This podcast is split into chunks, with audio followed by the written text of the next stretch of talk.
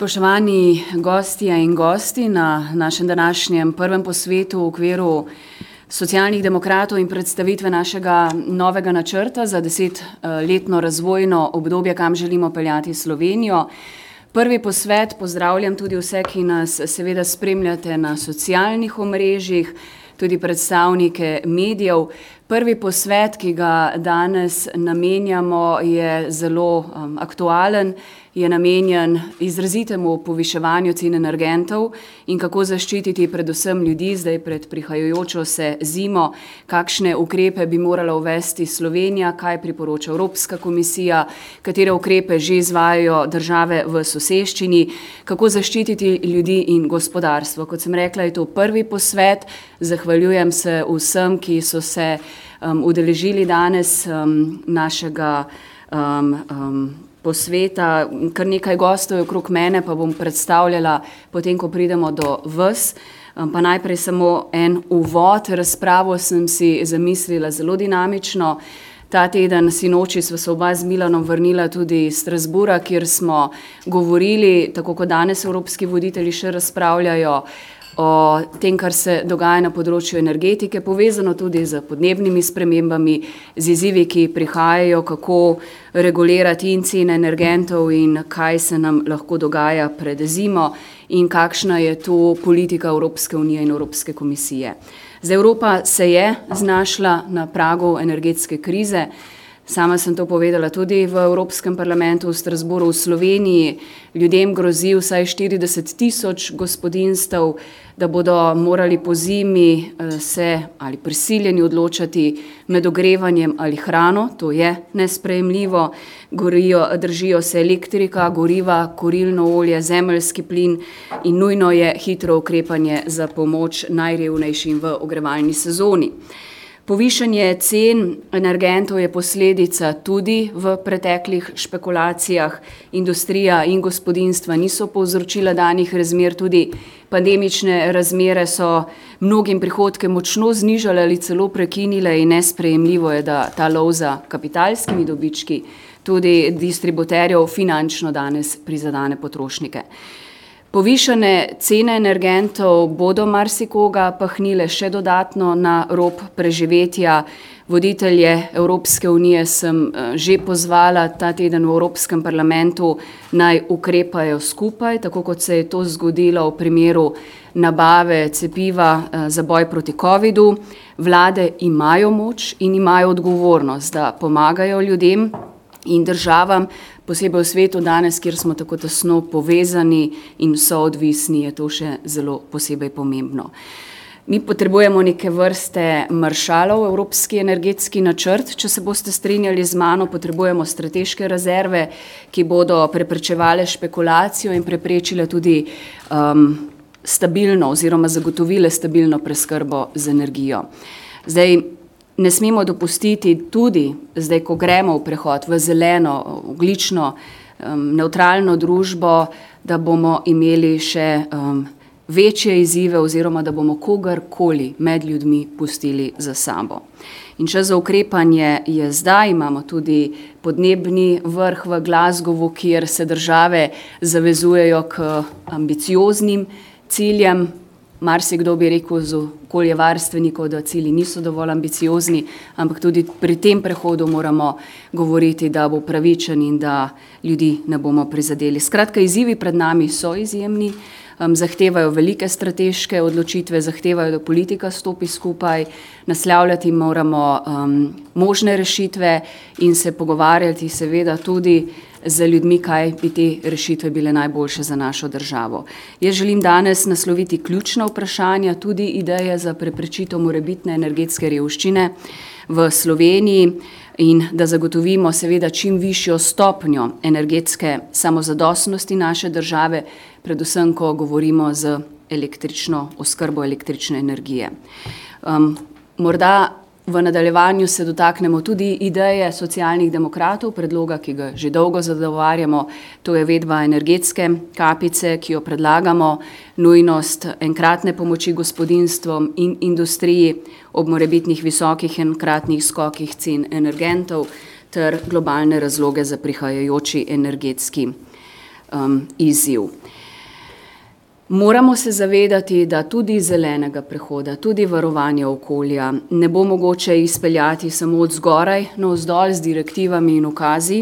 Prehod v brezoklično družbo, da bi bil sploh mogoč, moramo zagotoviti sodelovanje z stroko, s civilno družbo, politiko, vključevanje slehernega državljana in državljanke gospodarstva in pa civilne družbe.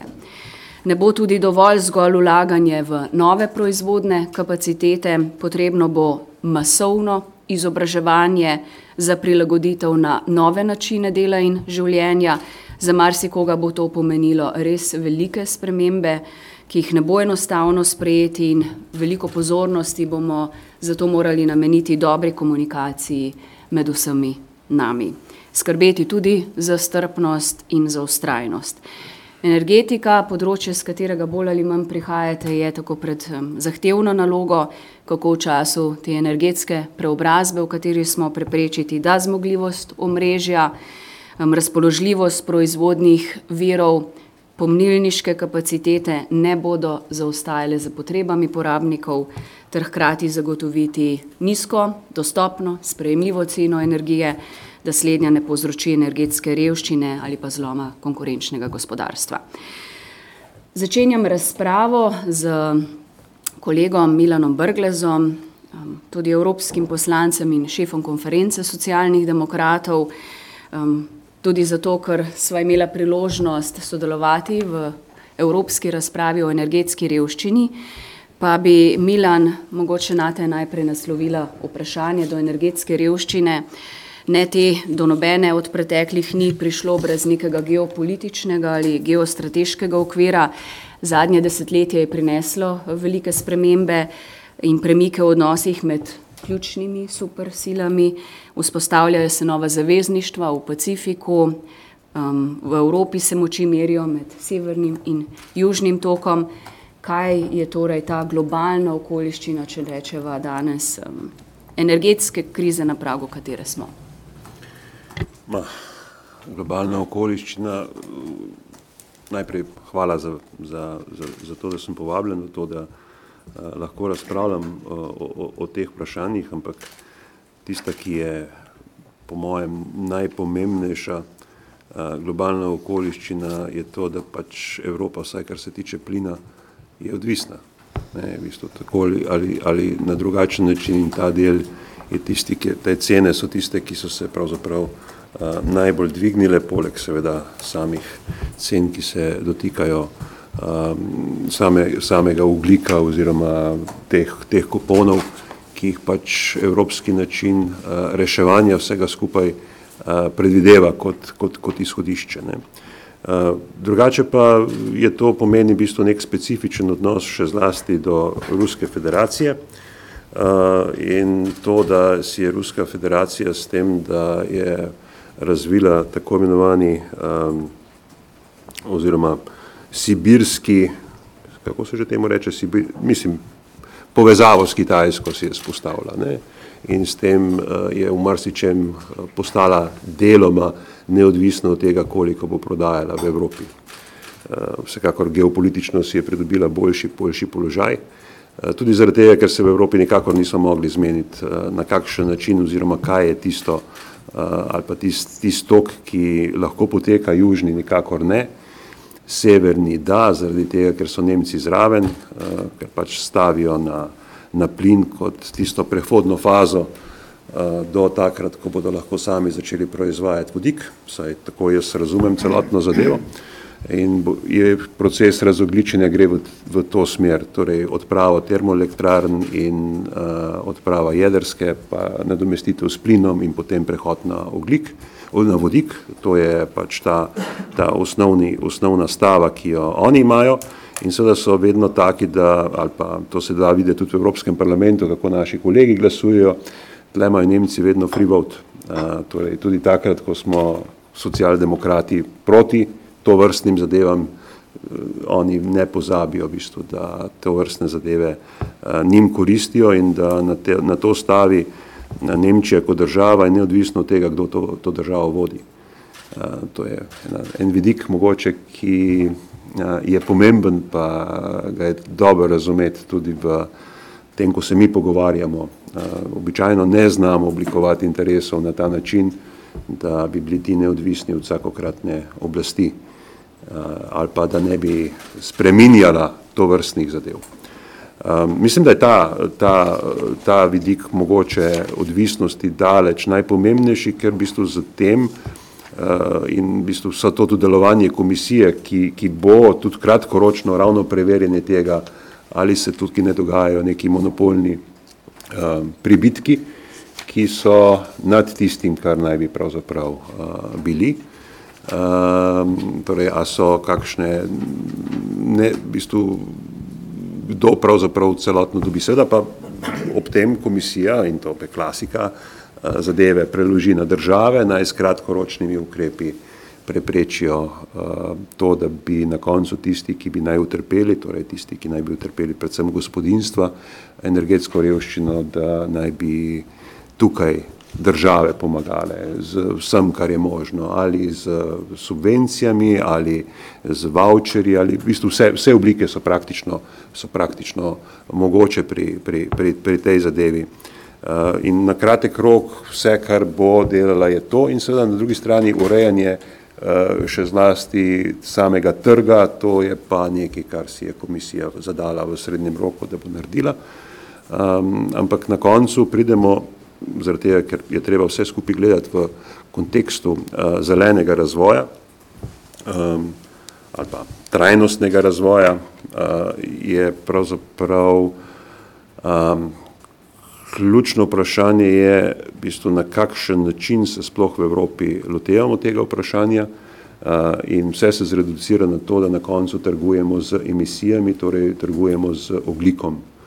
In tudi ta cena oglika je dodatna perspektiva, ki uh, nam bo ali pa ne bo pasala in dejstvo je, da bi najverjetneje do celotnega vprašanja bomo morali zauzeti neko tudi svoje stališče. Uh, če gledate tudi ta, ta predlog Fit for 55, um, ja, poleg da bo dodal noter, da, se bo, da bo pokrival tudi še nekatere druge sektorje, še zlasti tiste, ki so Eh, ki so, ki so za nas uh, pomembni, torej uh, stanovanja, torej, promet itak, ampak vse skupaj temelji na trgovanju z emisijami. In seveda to trgovanje z emisijami ja, draži zadeve, zadeve postanejo nekompetitivne stališča gospodarstva in na drugi strani uh, povzročajo a, dodatne stroške. Najverjetneje bo treba razmišljati, a je poleg tega, torej tržne rešitve, še, kakšna, še kakšen instrument, s katerim bi lahko prišli do spodbud v smeri, v smeri a, čimprejšnjega prehoda v čistejšo energijo ali kako pravzaprav to narediti. Ampak se pravim, Rusija, Kitajska, ta, ta dva in sedaj, če gledaš pa potem še drugi del, mi smo zgradili nekaj infrastrukture oziroma nekaj infrastrukture se drži, dela tudi glede utekočinjenega tekočega plina, mislim, te plinski terminali, ki so, ampak zadeve so daleč od tega, da bi bile optimalne in zaloge so premajhne. In pa vzhodna Evropa je vmes, ki je v odnosu do Rusije takšna, kot je, in tam se zadeve v marsičem, v kratkem, ne bodo spremenile. Milan, um, hvala. Zdaj Evropa, vsi vemo, je precej ranljiva. Šefica komisije je ta teden rekla, da 90 odstotkov plina Evropa uvozi, zato je um, tako ranljiva tudi v luči teh um, ciljev podnebne neutralnosti do leta 2050. Bomo potrebovali um, resne ukrepe. Doktor Max Tajnikar, kot ekonomist, bi vas vprašala. Zdaj, vlada slovenska napoveduje za zdaj regulacijo cen zem, um, korilnega olja. Vse ostale ukrepe, kot jaz razumem, bojo sprejemali po vrhu v Bruslju, ko je Evropska komisija je pripravila dva nabora ukrepov, kratkoročnih in srednjeročnih. Nekatere države vidimo v soseščini, prvi ukrepi Češka ima um, odpravo. Um, davka, Hrvaška je zamrznila cene pogonskih eh, goriv in podobno se dogaja v soseščini. Um, v Sloveniji potrošniki in strani gospodarstva pozivajo vlado naj ukrepa. Slovenija je precej izvozno naravnano gospodarstvo. Kako vi ocenjujete, kaj bi morala narediti vlada v tej situaciji, kako resna je kriza um, in tudi v luči, da ohranimo našo konkurenčnost in um, izvedemo uspešno tudi zeleni prehod. Kaj bi morali biti mogoče tisti urgentni ukrepi, um, ki bi jih vi izpostavili? Ja, hvala za vabilo tudi z moje strani. Uh, v bistvu so ta vprašanja relativno obsežna, ne, tako da ni tako enostavno odgovoriti uh, na kratko. Uh, nekaj sem pogledal podatke in tam se vidi, da recimo energija pri nas predstavlja približno 7 do 8 odstotkov, mogoče ponekod tudi manj v strukturi stroškov, ne bruto domačega proizvoda, kar pomeni seveda, da je to pomemben del v konkurenčnosti podjetij. Ampak ena stvar, ki bi jo rad povedal, ki na nek način zgleda nasprotno, nasprotjo tega, kar sem ravno kar povedal, da je energija pomembna, je to, da sem pripričan, da za konkurenčnost slovenskega gospodarstva pravzaprav energija ni ključna. Zato, ker na konkurenčnost slovenskih podjetij na mednarodnih trgih vpliva veliko razlogov, veliko faktorjev. In eden temeljnih faktorjev eh, konkurenčnosti slovenskega gospodarstva ni na stroškovni strani, pač pa je na strani naše prodaje. Mi preprosto prodajamo proizvode, večkrat pišem to v časopisih, ne vem koliko ljudi berejo, ki dosegajo podpoprečne cene in mi tle zgubljamo pravzaprav bruto domači proizvod v mednarodni konkurenci. Tako da je ta vpliv energije pravzaprav relativ, relativno šibak. Poleg tega se morate zavedati, da je ta vpliv energije pravzaprav porazdeljen po državah. Res, da bo države reagirale drugače, različno, ne? ampak vse posod bodo imeli problem s tem in na nek način bodo morali reagirati, kar pomeni, da se velike razlike v konkurenčnosti podjetij, recimo v Nemčiji, v Sloveniji in tako naprej, ne bodo pojavljale zaradi te krize, ki je sedaj. Se mi zdi to zelo pomembno, da ne bi slučajno zgubili pravega fokusa. Konkurenčnost je bistveno bolj determinirana z nekimi drugimi dejavnostmi, kot pa sedaj s to energijsko krizo. Ehm, seveda, zdaj eh, še ena stvar se mi zdi za razmišljanje zelo pomembna kot istočnica. Eh, v resnici imamo dva vidika energije. En vidik je kratkoročen. Če vi pogledate recimo, kako so se gibljale cene energentov, boste videli, da vse posod obstajajo zelo močni cikli. Mi smo lansko leto šli skozi eno obdobje, kakršnega se jaz pri svojih 70 letih skoraj da nisem znal zamisliti. Ne.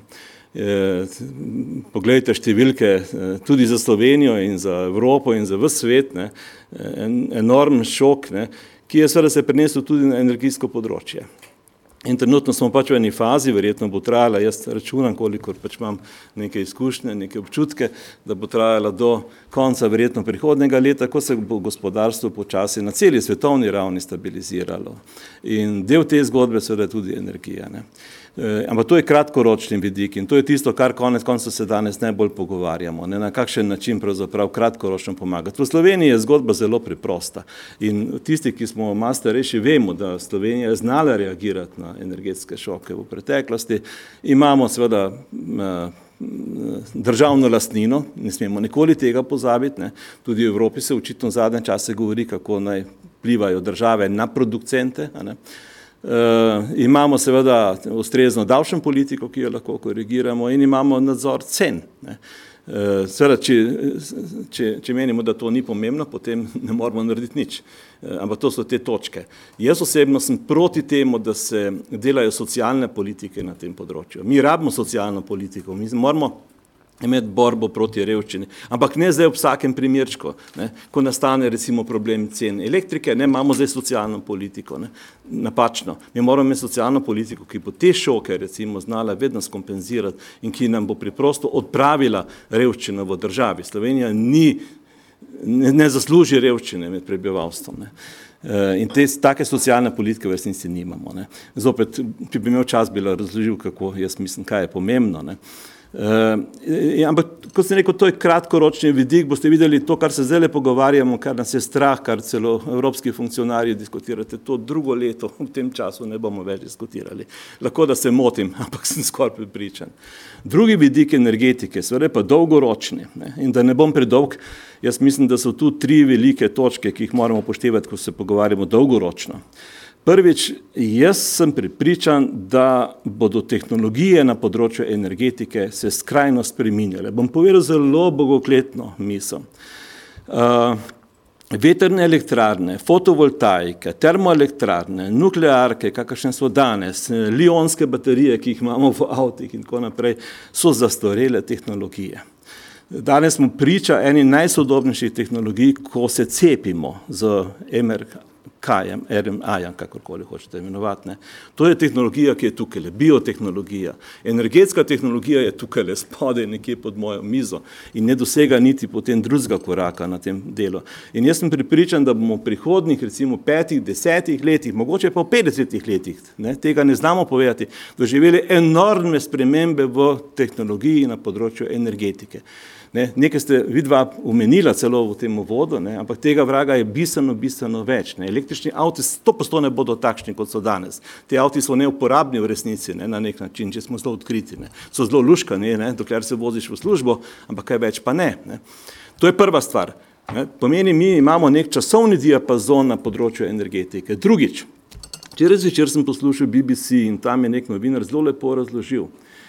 Indija, Kitajska, Avstralija, Japonska, ne, Brazilija, eh, Argentina je omenjal. Ne, so države, ki bodo imele do leta 2070 v bistvu še vedno premogovnike, termoelektrarne in bodo na ta način zagotavljale električno energijo. Ne. In uporabljale seveda klasične vire energetske, ki jih imamo danes. Ne. In seveda je zelo resno vprašanje, ne, kaj potem neki državici, kot smo mi, ne, moramo delati, da bomo seveda za sebe koristno delali in delali koristno za svet. Jaz osebno sem tle zelo pripričan, recimo bom povedal, da ne bom predolg, meni se zdi zelo zanimivo, enkrat bom to zagotovo zračunal, koliko dreves moramo posaditi v Sloveniji, da skompenziramo škodo, ki jo delamo s tešom. Mogoče je naša pot v zeleno ekonomijo na nek način napačna. In tretjič, nekaj, kar sem že zelo dolgo pripričan, tele vsi vedo, da sem bil nekoč minister odgovoren za energetiko in že takrat smo govorili o drugem bloku neka. Potem je ideja zamrla in če bi zdaj jaz rekel, kako najkrajše napisati, napisati energetsko strategijo, bi potreboval en sam stavek. Mi moramo čim prej zgraditi drugi blok eh, neka. Eh, ker sem eh, na, mi, za omizem SD-ja, moram reči, vsej pripričan sem bil, da SD je vedno izpostavljal, da je treba energetsko strategijo, mislim jedrsko energijo postaviti v strategijo, ampak skrati zraven smo rekli, da je treba vprašati ljudi. Jaz ne vem, kaj bomo vprašali ljudi. Eh, to, da imate jedrsko energijo, je čisto preprosto računstvo iz osnovne šole. Ko vi se štejete skupaj, ko veste, kaj se lahko naredi, jaz sem krasno magistraturo, kaj se zgodi, če bi Sloveniji prišli na električne avtomobile v večjem obsegu. To so nore številke. Tam rabite potem tisoče veternih elektrarn, deset tisoče fotovoltaičnih panelov, ne, 16 hidroelektrarn in ne vem kaj še vse. Ne. Tega se ne bo, to se ne bo zgodilo, ker je preskrajn scenarij, ampak kakorkoli obračate ta scenarij, mi nuklearko rabimo. In škoda, da je nimamo, ker bi jo zdaj zelo krasno nočevali na evropskih trgih. Hvala. Hvala, sem pripričana, da se bo kdo še odzval na um, te besede, pa predajam besedo kar županu um, Velenja, Petru Dermolu. Um, sanacija Šaleške doline, tudi Teš je bil zdaj omenjan. Desetletja ste v Šaleški dolini oziroma je Šaleška dolina zagotavljala energijo za razvoj Slovenije. Danes um, je ocena, da če bi ugasnili Teš, bi izgubili elektriko za vsaj vem, 40 odstotkov približno gospodinstv v državi. Um, na vrsti je sanacija. Mogoče kar vam predam besedo, Peter, tebi, no, kaj bi bilo potrebno narediti, da mesto, ki je nastalo z izkopavanjem premoga, postane brezoglično industrijsko središče, kdaj je možno zagotoviti ta prehod, da na drugi strani vsi ljudje, ki pa so živeli in Šaleška dolina od tega, um, imajo tudi neke možnosti drugačnega preživetja. Izzivi so tu veliki. Ja, hvala lepa, predsednica. Hvala lepa tudi z moje strani za tole prijazno povabilo.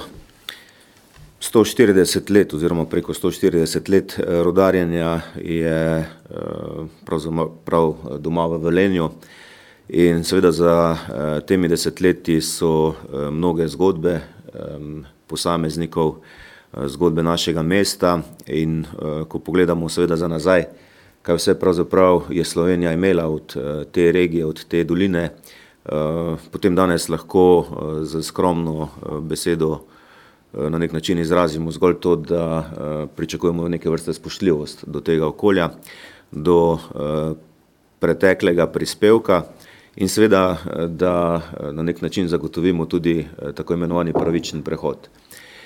Pravičen prehod, ki seveda pomeni, da ljudje v tem obdobju, ko bo pravzaprav prišlo do zaprtja Premogovnika Velenje, ne bodo postali talci teh odločitev, ampak da bodo ljudje na koncu dneva nekaj imeli od tega, predvsem pa, da bodo imeli zaupanje v politiko, ki je ali ki bo takšno odločitev seveda sprejela in bo potem tudi v sodelovanju z lokalno skupnostjo dolžna voditi vse postopke v smeri, da resnično bo pravičnemu prehodu zagotovljeno, tako kot se seveda spodobi. Seveda so zgodbe tukaj zelo kompleksne in ni enoznačno trditi, kaj bo, ko premoga več ne bo, kako iti po tej poti sanacije Šaleške doline v iskanju nekih alternativnih virov.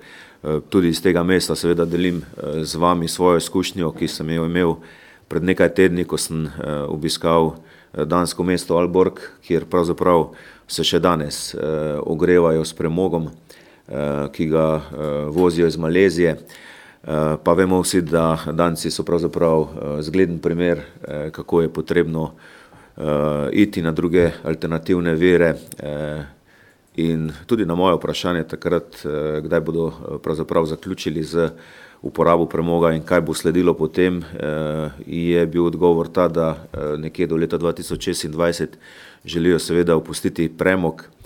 Kaj pa sledi po premogu, pa pravzaprav nekega resnega odgovora danes še nimajo, in to je tudi tisto, kar je gospod Tajnikar seveda govoril, da tehnologije bodo verjetno na tem področju šle v neki razvoj, v neko inovativnost, ki je danes še marsikomu prikrita oziroma jo vsi skupaj niti ne poznamo. In zato je seveda to tudi neke vrste izhodišče, kako postopati v primeru iskanja alternativnih vir, pa če danes govorimo o toplotni energiji, ki seveda v za Šaleško dolino za končne uporabnike predstavlja zelo veliko breme, torej da danes pravzaprav ne vemo čisto, kako se bomo ogrevali čez nekaj let, lahko imamo neke rešitve, kot jih imamo, uporabo geotermalne energije, biomasa, sončnih elektrarn, tudi monosežiga. Skratka, veliko je teh stvari, seveda je pa potrebno poiskati ustrezno in dobro kombinacijo vsega tega in zagotoviti neki stabilen, stabilen vir.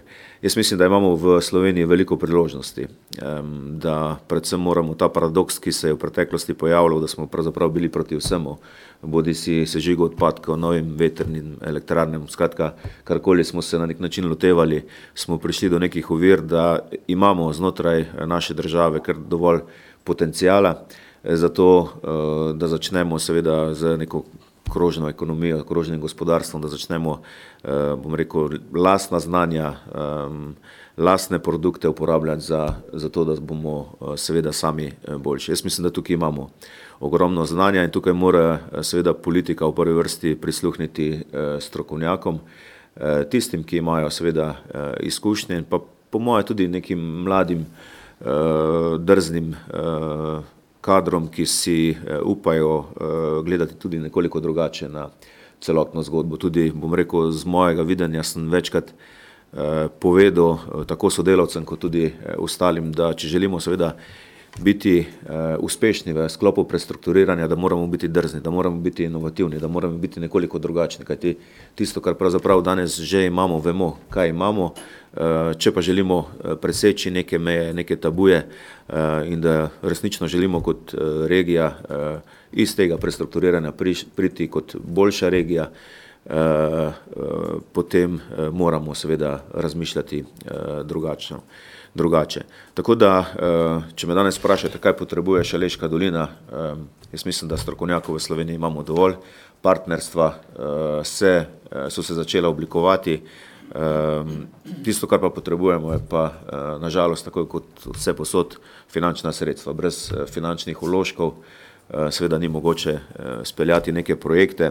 Jaz večkrat povem, da če danes ocenjujemo preobrazbo daljinskega ogrevanja na 140 milijonov evrov in da ima eh, pravzaprav mestna občina Velenje maksimalno 10 milijonov evrov investicijskega eh, potencijala na leto, potem je seveda vsakomur jasno, da lokalna skupnost sama takšnih izzivov eh, ne more doseči in preseči in mislim, da tukaj, tukaj bo potrebno seveda aktivna vloga, bo potrebna aktivna vloga države.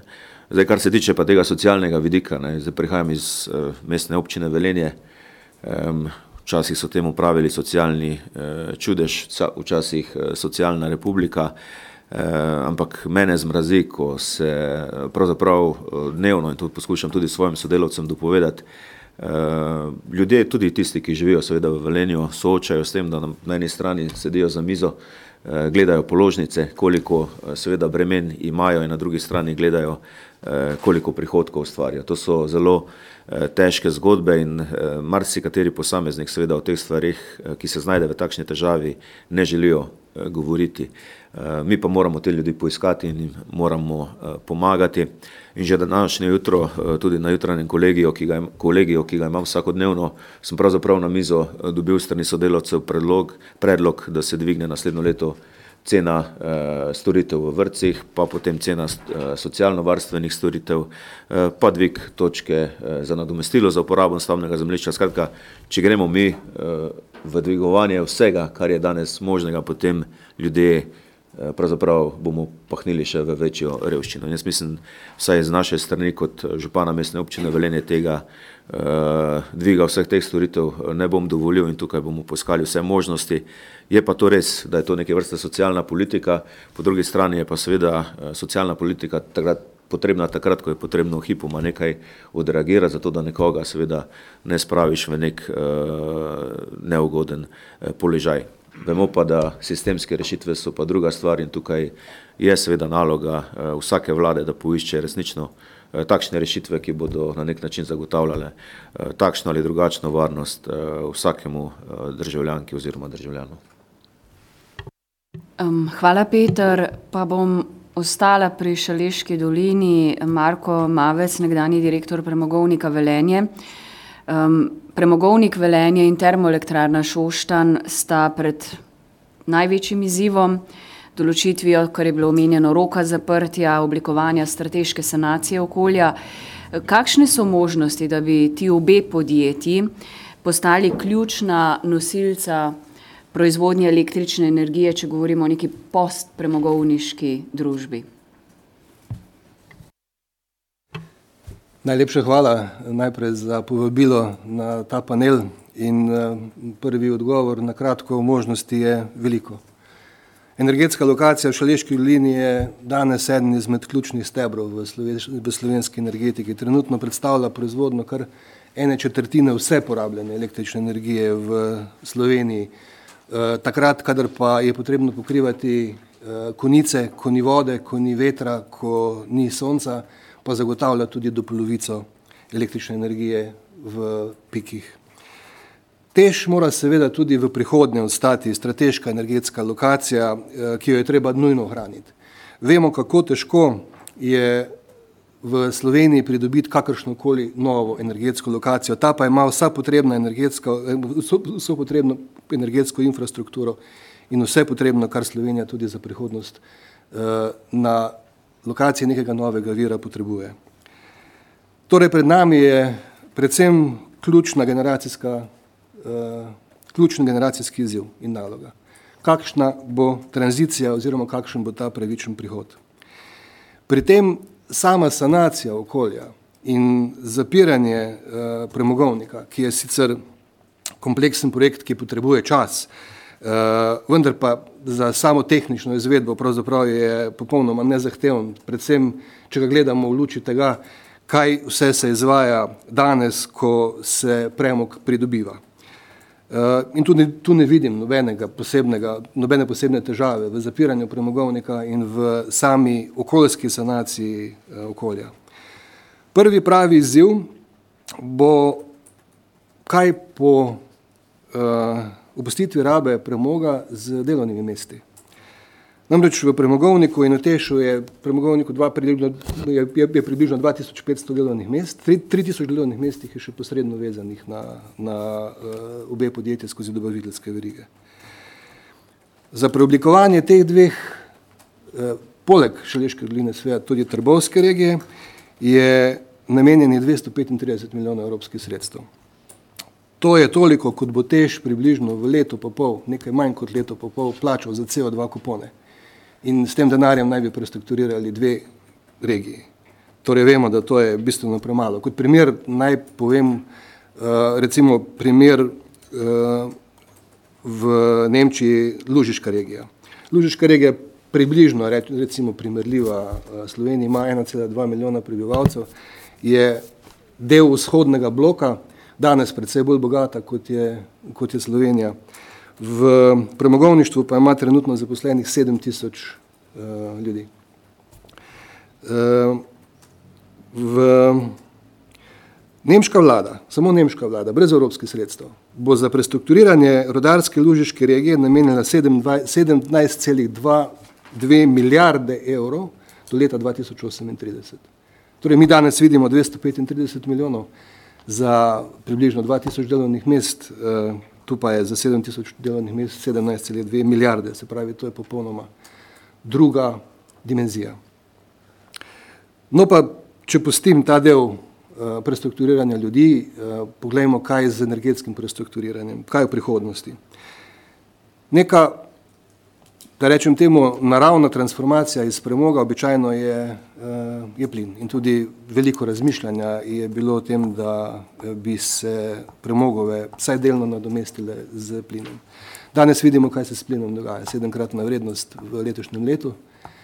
Uh, kot ste že rekli, predsednica, 90-odstotna uvozna odvisnost in ne samo to. Mi smo na koncu, ne na začetku plinskih vodov, kar pomeni še toliko dražja, toliko dražji plin. In danes lahko vidimo ravno pri tej energetski krizi, kako pomembno je imeti domači vir, ki ni podvržen uh, cenovnim špekulacijam uh, svetovnega, svetovnega trga. In uh, naj povem, na svetovnem trgu se je premog v letošnjem letu podražil za petkrat.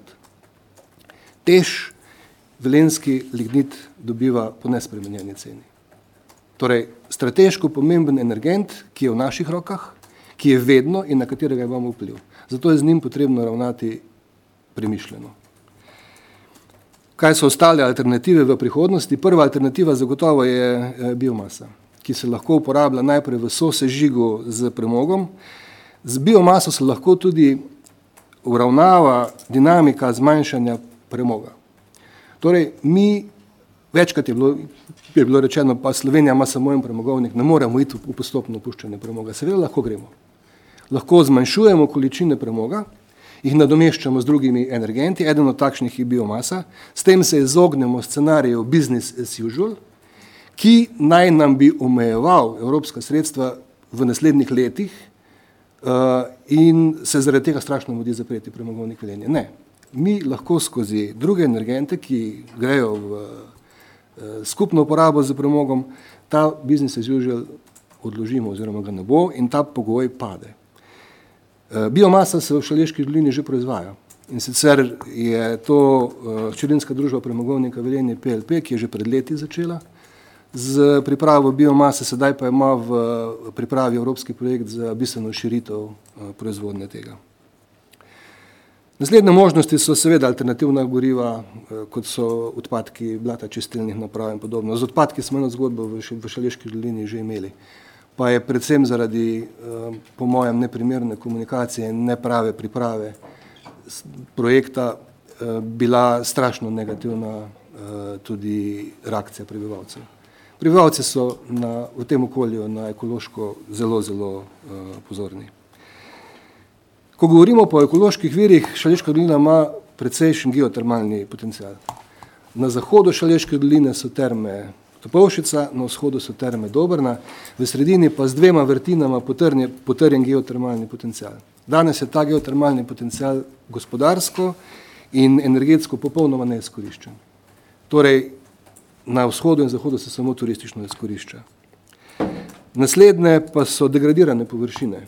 Na degradiranih površinah, ki jih bo treba sanirati in potem uh, tudi dati naprej v uporabo, bodi si gospodarsko, bodi si uh, turistično ali pa kakšno drugačno, je idealno za namestitev uh, sončnih elektrarn. Ne samo zato, ker so površine na voljo, Tudi zato, ker je tu bližina Teša in pravzaprav lahko gre neposredno v prenosni sistem uh, iz, iz, sončne, iz sončnih panelov, kar je bistvena razlika, kot pa če gredo sončni paneli v distribucijski sistem, ki povzroča pravzaprav motno tega distribucijskega sistema. Tu pa je nekoliko drugačno, ampak dobro, da ne uh, zahajam v tehnične zadeve. Uh, pri jezerskih, mislim, pri sončnih panelih imamo v Sloveniji en problem, ki ga marsikje v tujini nimajo. Sončnih panelov v Sloveniji ni mogoče namestiti na vodne površine. Imamo takšno okoljsko zakonodajo, vemo, da naša okoljska zakonodaja je na nekaterih področjih bistveno bolj rigorozna od evropske, bistveno bolj rigorozna od nekaterih drugih in včasih bi bilo treba pametno tudi, tudi razmisliti o teh rešitvah in upam, da bomo v prihodnosti se lahko pogovarjali o nameščanju tudi panelov na jedrske površine, vemo, da v Šaleški dolini je dva, dva kvadratna kilometra jezerskih površin, kjer so bile prej površine, ki so bile namenjene predvsem kmetijstvu in pa gospodarstvu. Pri samem zapiranju premogovnika pa je treba razmišljati tudi nekoliko vizionarsko naprej, kako, kako izkoristiti podzemne prostore, da, da jih ne bomo kar vse zaprli, tako kot so to naredili v drugih rudnikih, ker je mogoča raba nekaterih podzemnih prostorov tudi v prihodnosti. Ena od takšnih mogočih rab je zalogovnik toplote. Druga možnost je proučiti pravzaprav kaj z skladišči zemljskega plina. Skladišče zemljskega plina sicer v premoškem sloju niso mogoči, so pa mogoči v, v prihrebinah. Um, zdaj pa Prej smo govorili o tem, da se bo transformirala, ne, ne najverjetneje, zagotovo tudi energetika. Eden od takšnih stvari, ki lahko vidim, da bi se lahko namestile v podzemne jamske prostore, če razmišljamo o bodočnosti energetike, so tako imenovani small nuclear, small modular reactors. Kaj so to? To so pravzaprav mali nuklearni reaktori. Niso nova stvar. Leta 1954 je splula 1954 je splula jedrska podmornica Nautilus. To je bila prva jedrska podmornica z nuklearnim pogonom. Danes pravzaprav vse nuklearne podmornice in pa vse uh, letalo nosilke uporabljajo male nuklearne reaktorje. V ZDA je trenutno v zelo velikih korakih razvoj modularnih uh, nuklearnih reaktorjev, ki bi se uporabljali v komercialne in pa v gospodarske namene. Mislim, da ta zadeva bo v prihodnosti aktualna in ti mali nuklearni reaktori se lahko namestijo v eh, podzemne prostore, mali, veliki so tudi, tudi, tudi do 400 megavatov, kar ni več tako malo. Um, tako da vidimo, na izbiro imamo možnosti dovolj, samo uresničiti jih je treba.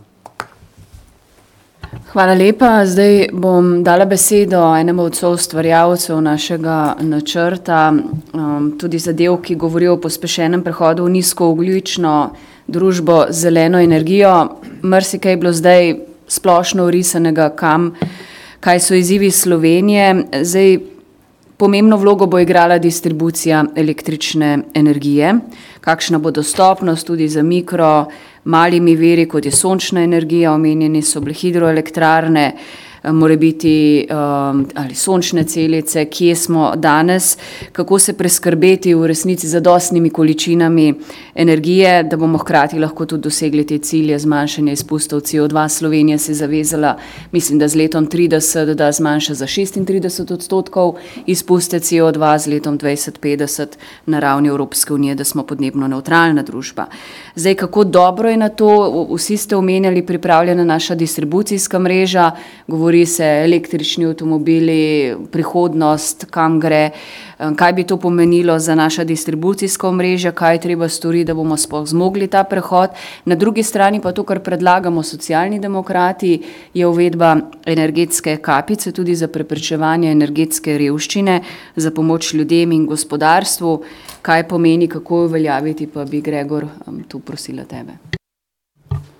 Ja, eh, hvala Tanja, najprej eh, lepo zdrav vsem, pa res iskreno bi rad v bistvu najprej povdaril, da sem zelo vesel uh, za v bistvu vse uh, inpute mojih predhodnikov, tako da se razvija neka zelo konkretna, uh, ciljno usmerjena uh, razprava.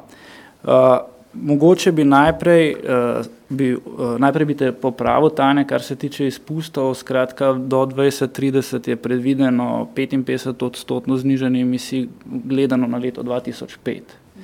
Um, bi pa začel z, z drugo zadevo, z energetsko kapico, ki jo pač tudi predlagamo v našem, v našem programu. Eh, pa preden pojasnimo samo ukrep, nekaj besed o energentih in, in energiji, pač, eh, ki jih potem seveda ta ukrep regulira. In sicer bi, bi tako rekel, zdaj, najprej bi povedal par besed o električni energiji. Uh, njena cena je v grobem sestavljena iz treh delov. Se pravi, energija, poseganje v ceno energije bi lahko povzročilo težave pri proizvodnji oziroma nakupu, Razen tega večina proizvodne električne energije v Sloveniji sestavlja miks, se pravi iz hidro, jedrske in pa premoga, izuzemši seveda cene kuponov. V tem trenutku ni povezana s kakšnim povečanim stroškom, ki bi zahtevalo občutnejše korekcije. Cena energije iz uvoza pa je odvisna od časa, kdaj bi bila nakupljena. Uh, drug segment je omrežnina. Zdaj, če posegamo v omrežnino, zmanjšamo možnosti za delovanje omrežij, ki so ključna za stabilno oskrbo, tudi sicer zaradi odločitev agencije za energijo, naprimer distribucija zaradi mrežninskega primankljaja najema že danes kredite za investicije, ampak eh, se pravi eh, tudi za financiranje tekočega poslovanja. In kot tretje, kar se električne energije tiče, je, so dajatve, trošarina DDV, torej ostane poseganje v tako imenovano tretjo košarico. Ne vem, kakšna je stopna svobode pri DDV v tem trenutku, je pa ta gotovo pri trošarini in še posebej pri dvajatvah in prispevkih. Slednje bi po mojem mnenju moral biti tudi prvi kompenzacijski, ampak tudi seveda selektivni ukrep za beleženje posledic sedanje krize. Plin, za zemljski plin velja, da nimamo kaj dost možnosti, ker smo pač popolnoma odvisni od uvoza perspektivno, če oziroma ko bi to bilo mogoče, more biti v delu lastne proizvodne vodika in bioplinov nekoč, definitivno je treba, moramo kot Slovenija vlagati uh, v razvoj tovrstnih tehnologij. Pol pa ravno tako omrežnina, se pravi veljava v osnovi podobno kot pri elektriki. Razlika je v tem, da je tehnološko gledano problematika manj kompleksna kot pri elektriki, tudi plin, plinovodno mreže v tem trenutku omejeno na področja, kjer je ekonomsko smiselno, gre za industrijske porabnike in za ogrevanje v mestih. Zaradi odvisnosti od uvoza ni pričakovati večjega razmaha gradnje novih omrežij. In potem kot tretji segment spet dajatve trošarina DDV, podobno kot pri električni energiji, ostane poseganje v tretjo košarico DDV, trošarina in še posebej dajatve in prispevki. To bi morali biti ravno tako prvi kompenzacijski, a tudi selektivni ukrepi za blaženje blaženje posledic sedanje krize. Uh, kot tretjo naj omenim naftne derivate, se pravi korilno olje, benzin, dizel. Naftni derivati, pri tem, pri tem energentu smo v celoti odvisni od uvoza. Pri naftnih derivatih lahko v manjšem deležu neodvisnost dosežemo s pravilno politiko naftnih državnih rezerv, neodvisnost pa bi v prihodnje lahko povečali tudi s proizvodno biogoriv, biodizel in bioetanol. Spet smo pri a, strukturiranem načrtnem ulaganju v inovacije in razvoj na nivoju Slovenije in seveda posledično dvig dodane vrednosti a, vezano na BDP, kar je v moj predhodnik tudi že omenil. Infrastruktura je v, lastni, je v večinski lasti naftnih trgovcev in Republike Slovenije za namen skladiščenja naftnih rezerv. Kapacitete za hranjenje državnih rezerv bi bilo smiselno povečati nad kapaciteto zalog za 90 dni, kar narekuje uredba iz EU. Kar se tiče dajatov, trošarina in DDV, podobno kot pri električni energiji, ostane poseganje v tretjo košarico, DDV, trošarina in še posebej dajatve in prispevki. To bi moral biti prvi kompenzacijski, a tudi selektivni ukrep za blaženje posledic sedanje krize. Zaradi zelo omejene konkurence ponudnikov naftnih derivatov bi bilo potrebno razmisliti o ponovni uvedbi modela za oblikovanje cene, saj se od odprave modela cene naftnih derivatov stalno višajo. In zdaj o samem ukrepu energetske kapice, ki jo predlagamo, se pravi, ta se nanaša zlasti na končnost ceno, hkrati pa je tudi pokazatelj učinkovitosti in primerljivosti komponent končne cene. Če bi bile na primer cene energije, energije v Sloveniji višje kot v drugih državah, bi to pomenilo, da je proizvodnja nekonkurenčna in nesorazmerno obremenjuje uporabnike. Podobno velja za omražnino in vsekakor tudi za tretjo košarico. Vsekakor mora biti naš cilj, da je končna cena za gospodinstva nižja od povprečja v EU glede na kupno moč, ter da je končna cena za negospodinstva manjša od nominalnega povprečja v EU. Uh, to, je, to je moj odgovor vezan na uvedbo ukrepa, ki ga predlagamo v programu. Kar se pa tiče elektrodistribucijskih električnih omrežij v Sloveniji, trenut, dejstvo je, da trenutno distribucijska omrežja niso pripravljena na zeleni prihod. Uh, bom pa zelo konkreten. Se pravi, do 2030 smo se kot država v nacionalnem energetskem in podnebnem načrtu zavezali, da bomo povečali za dobrih 50 odstotkov današnje vršne moči, ki je v Sloveniji, na gospodinskem odjemu. Torej govorimo na nizki napetosti. Dam lahko analogijo, uh, to so tako kot kapilare v človeškem telesu, se pravi distribucijska omrežja. In to se pravi povečan, 50 odstotni povečan odjem te vršne moči, ki bodo leta 2030 po Nepnu, gre samo iz naslova toplotnih črpalk in pa električnih polnilnic za osebna vozila. Uh, poseben izziv, ki pač tudi tukaj treba obravnavati, so priklapljanja in bodo vedno večja priklapljanja malih sončnih elektraran potrebnih investicij ocenjenih po GIZ-u, se pravi Združenju elektrodistributerjev, je za 4,2 milijarde evrov do leta 2030. Nujno je potrebno povečati kadrovske kapacitete v vseh petih elektrodistribucijah, da bodo sploh kos tem izzivom. In kot najpomembnejše bi rad vzpostaviti koordinirano načrtovanje razvoja petih elektrodistribucijskih podjetij v Sloveniji do leta 2030, če želimo pripraviti omrežja, da bodo sposobna po eni strani uh, se pravi sprejemati energijo iz razpršenih virov in po drugi strani potem le to dobavljati do končnih uporabnikov.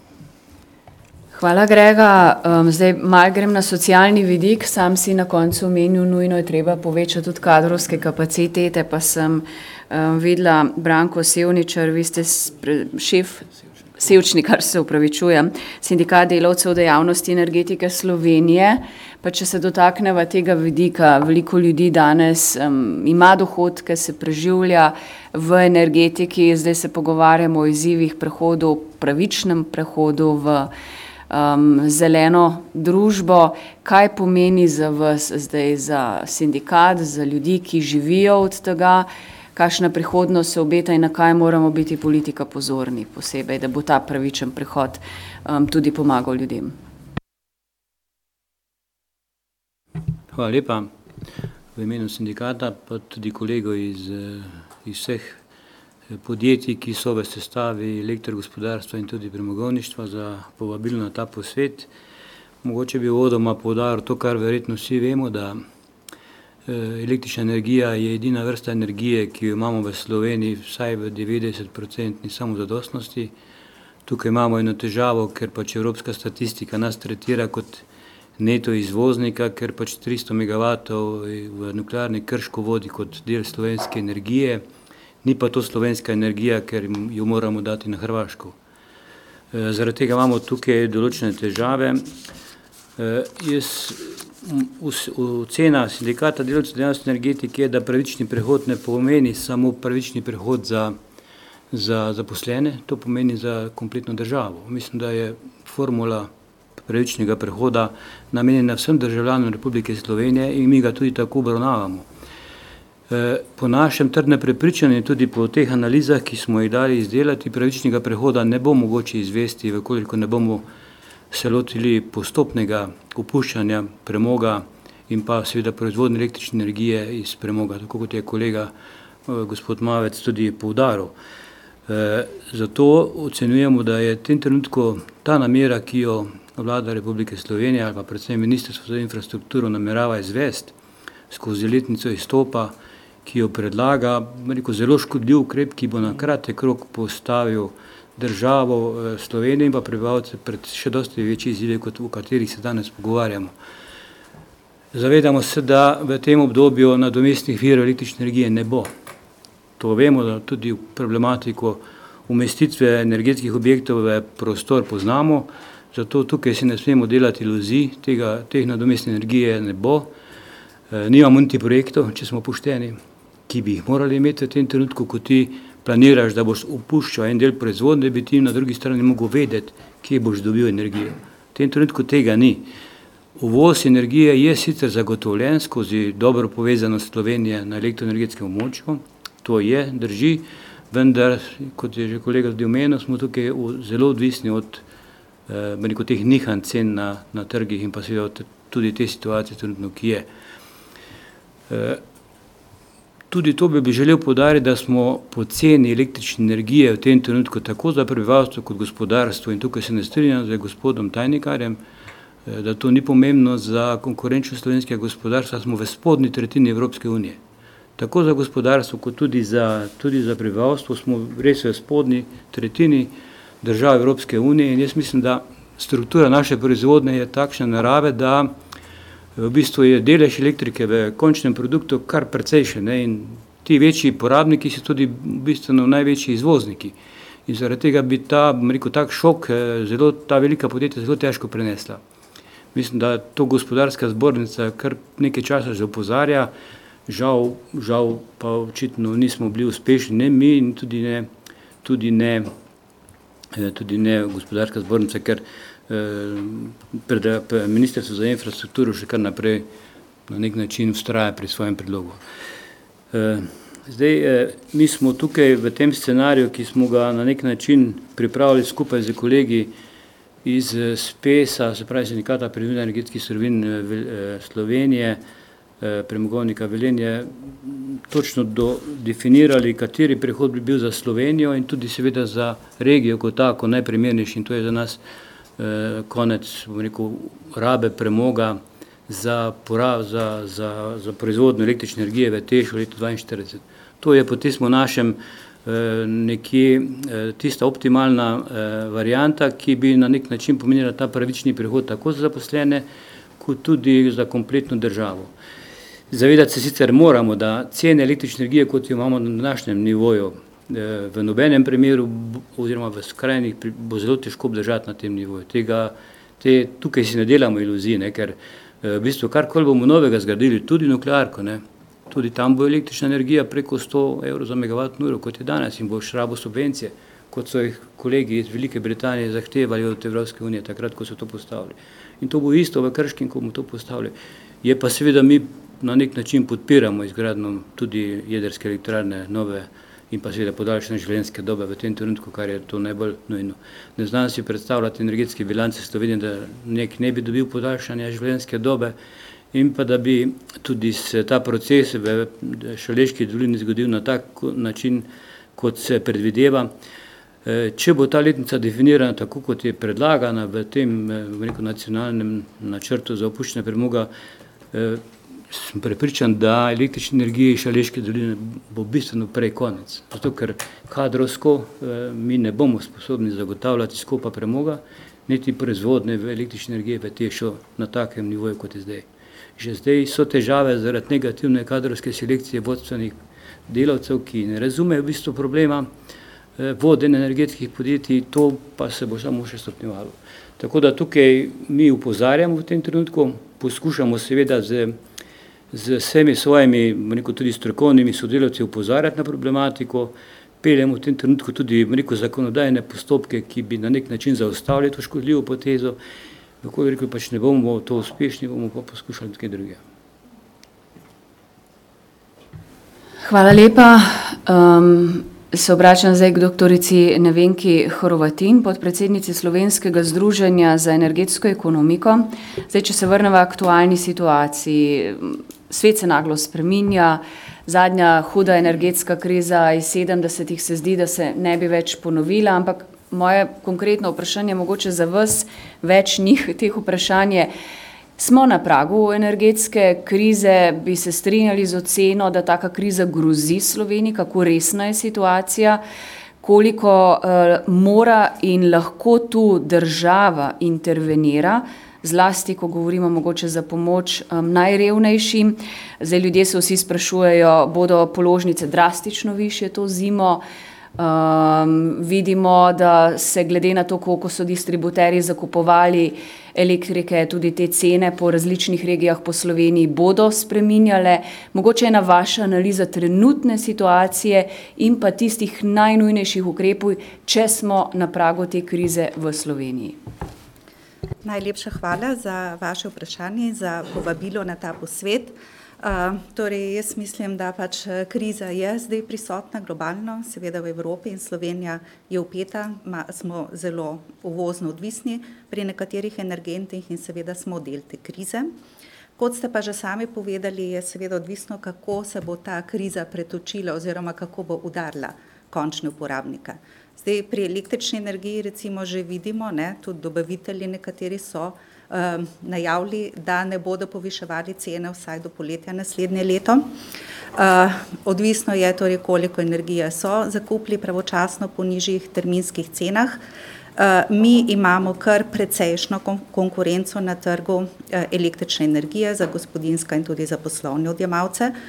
Imamo možnost menjave dobavitelja energije in najkasneje se mora po obstoječi zakonodaji to izvesti v treh tednih. Torej za odjemalci imajo možnost sedaj zamenjati dobavitelja in postopek mislim, da je relativno enostaven, čeprav so mogoče nekateri manj ozaveščeni, ne, in ne vedo, kako poteka.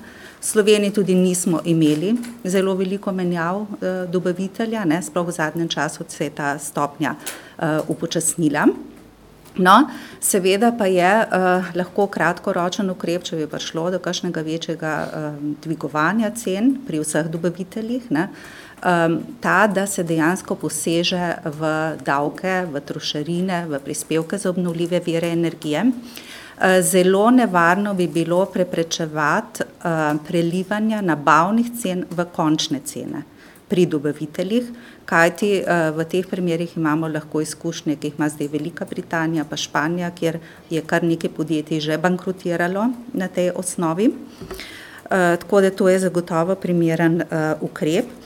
Pri naftnih derivatih recimo, če govorimo o prehodu na model oblikovanja, ki smo ga imeli in ki je bil ukinjen oktobra leta dva dvajset, torej odgovor bi bil, da je ta prejšnji model, in če bi tega uvedli, omogočal prevalitev nabavnih cen, ne, uvoznih cen nafte in naftnih derivatov v končne cene, da je pa ta model hkrati tudi reguliral marže dobaviteljev. Zdaj, zelo težko bi rekli, koliko so se te marže od torej leta 2020 oktobra povečale. Ampak, ko sem pogledala malo primerjavo cen um, Slovenije z ostalimi, uh, vidimo, da imamo pri benzinu, navadnem, ne, 95-oktanskem, uh, praktično eno izmed najnižjih cen v Evropi. Smo v bistvu za Bolgarijo, Romunijo in Polsko in vse naše sosedne države imajo višje cene. Hrvaško ste že omenili, da ne govorim seveda o Italiji. Ne. Uh, tako da zdaj kakršna koli uvedba tega modela ne bi v bistvu bistveno znižala te cene. Uh, in seveda bi lahko veljalo tle, kot je bilo rečeno, razmišljati o recimo znižanju trošarin, ker tle ima vlada možnost ukrepanja, spremembe uredbe ne, o višini trošarine in se lahko s tem omili situacija. Vendar bi pri transportu ravno za um, torej državljane omenila še to, da mi imamo že neke varovalke za upokojence, ne? lahko gremo v večji meri na uporabo javnega transporta, ki je zdaj za upokojence za ston po Sloveniji ne? in imamo seveda tudi subvencioniranje, eh, oziroma ne subvencioniranje, ampak kritje vsaj delno prevoza na delo. Tako da moramo biti zelo previdni, ne, ali bomo zdaj sprejemali neke ukrepe, s katerimi bomo kar uh, neko široko porabo, tudi turistične namene in tako naprej, ne, ne najbolj nujno porabo stimulirali. Zdaj, uh, mogoče glede te cenovne kapice, ki ste jo omenjali, jaz sem že ene zadeve v zvezi s tem povedala. Cenovna kapica je lahko nevarna v primeru, ko se ni mogoče izogniti temu povečanju cen, nabavnih cen in ko dejansko uh, dobavitelji energije ne, z, ne zvišujejo svojih marš in izkoriščajo razmere v ta namen. Ne. V tem primeru lahko prihaja do stečaja podjetij in zato moramo biti tukaj previdni. Strinjam se, da imamo tle druge mehanizme, ne, bolj davčne narave in prispevke in tako naprej. In uh, mogoče, kar smo premalo naglasili, je sedaj, da imamo dejansko tudi zakonodajo pri električni energiji, recimo, ki dejansko in pri plinu, ki dopušča zaščito ranljivih odjemalcev. In tukaj pa dejansko ne vlada, mislim, da zdaj, sedaj že razmišlja o voucherjih. Slovenija, mislim, da nima natančne definicije še sprejete, kaj so to renljivi odjemalci. Imamo pa zakonodajno, da lahko posamezni odjemalci že koristijo ta ukrep in preidejo na mehanizem uh, nujne oskrbe. Eh, in uveljavijo, ne, torej mislim, da morajo centri za socialno delo tle sodelovati in tako naprej, potrebno bi bilo pogled, ali so operativno te zadeve dovolj dobro urejene, da lahko dejansko te najbolj randljive odjemalce zaščitijo. Ampak eno zadevo, ki bi jo pa dejansko morali še poudariti, je, da nam bo zdaj tudi nov zakon o skrbi za električno energijo dopuščal uh, in spodbuja večjo vlogo aktivnih odjemalcev. Torej, če gledam široko populacijo, mislim, da je potrebno tudi osveščanje, ozaveščanje ljudi, kaj vse je možno narediti. Ne? Od samo skrbe, ampak zdaj ne bo samo skrba samo v svojem domu, ampak bomo lahko izkoriščali tudi energetske skupnosti državljanov, uh, kjer bo možno, ne samo, če nimaš možnosti na svojo streho graditi sončne elektrarne, da se pač povežeš v te skupnosti in lahko potem imaš torej takšno oskrbo in prihraniš ne, pri električni energiji. Možno bo, možen bo dinamični odjem, mož, možno dinamično tarifiranje. Možno bo skleniti pogodbe z agregatorji, ker bo možno tudi izkoriščati svoje lastne viške energije. In eno zadevo, ki jo mora Slovenija pa tudi narediti, so pa pametni števci, kajti mislim, da v veliko domovih seveda pametni števci vsega tega ne uh, še dopuščajo še, ne, teh 15-minutnih oziroma meritev v realnem času, tako da pri investicijah v infrastrukturo moramo seveda tudi to naglasiti da je potrebno čim prej in tudi uh, nova zakonodaja, mislim, da zahteva potem zamenjavo teh števcev. Ne? Uh, če se pa lahko, mogoče, če mi dovolite, da se zelo na hitro odzovem še na nekaj drugih zadev. Torej, uh, strinjala si bi se s kolegom tajnikarjem tudi glede tehnologije, da bo verjetno tehnologija bistveno drugačna, ne, tudi na energetskem in ostalih področjih. Ampak, če se navežem na uh, ocene Mednarodne agencije za energijo, uh, ta, te ocene pravijo, da imamo pravzaprav polovico nekih novih tehnoloških rešitev, ne, ki omogočajo seveda tudi večje spajanje sektorjev, uporabo vodika, elektrolizo in tako naprej, ampak žal te tehnologije še niso komercialno spremljive. Torej, ne vem, bo zdaj tudi prihranke obsega z večjo proizvodnjo in tako naprej, v prihodnje bo gotovo vodilo do tega, da bo bolj spremljivo. Kar se tiče premoga, moram reči, da ni za pričakovati, da bo cena oglika, ne, da bo Evropa popustila pri ceni oglika. Imamo zdaj novo, torej začela se je četrta schema ne, trgovanja s temi oziroma faza trgovanja z emisijskimi kuponi in Evropska unija ima tudi mehanizme, da te kupone uh, lahko otegne iz um, cirkulacije, ne, če smatra, da so previsoke in bo zagotovo ustrajala pri relativno visokih cenah oglika, ker naj ti pospešijo prehod Eh, torej to energetsko tranzicijo, zeleno tranzicijo. Ne. In um, mogoče torej še, uh, torej kot pravim, te, kar se tiče um, samih uh, ukrepov, bi morali v večji meri ciljati na te ranljive odjemalce ne, in uh, razdelati ukrepe, kako jim pomagati. In ka, še komentar glede cene, ki naj bi bila za električno energijo, ne, gospoda Goričarja, naj bi bila nižja od povprečja v Evropski uniji. Ta cena dejansko je sedaj nižja od povprečja v Evropski uniji in tudi, če jo izračunamo glede na pariteto kupne moči, torej upoštevamo naš življenjski standard, je ta cena nižja kot v Evropski uniji. Treba se pa seveda, torej eden izmed razlogov je tudi, ker imamo seveda nižje plače ne, in plače so recimo v tekočih stroških, če vzamem distribucijo, ker nekoliko bolj poznam stroškovno strukturo, je recimo 50-60 odstotkov stroškov v tekočih stroškov, ne, skupaj, torej ne, ne upoštevajo investicijskih, predstavljajo plače. Ampak sicer mi si moramo prizadevati pač za stroškovne cene in če je možno te znižati, ne, ne moramo pa seveda iti v neko politiko, kjer bomo umetno zadrževali cene, sploh pa je to ni možno, ker imamo liberaliziran trg.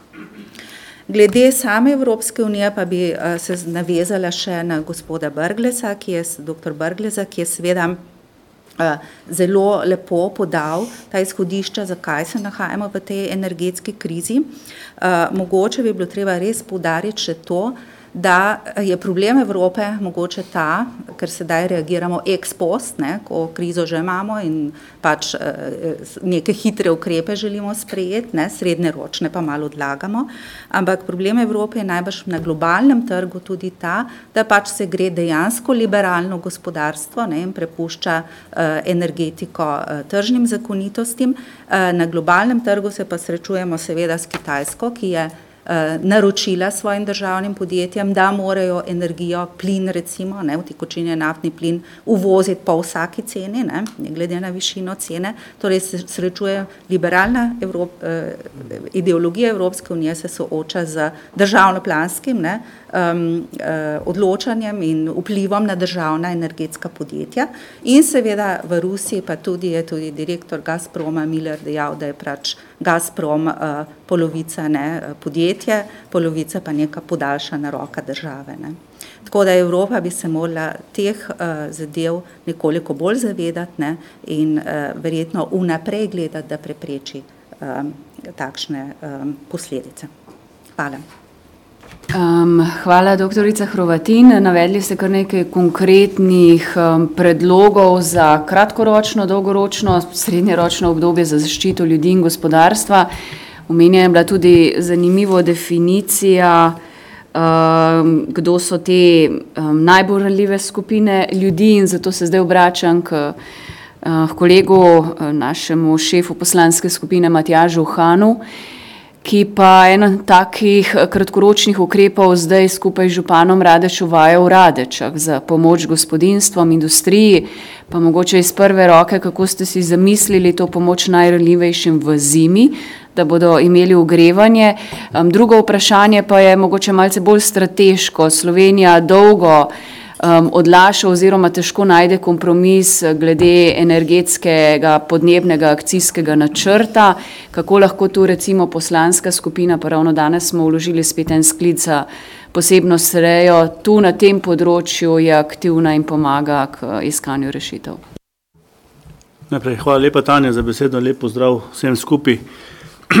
Preden mogoče predstavim to idejo, ki smo jo naredili v Radečah, Ne se vam v bistvu jaz zahvalim, ki eden redkih, ki ne prihajajo v te dvorani iz energetskih vrst, za en realističen pogled.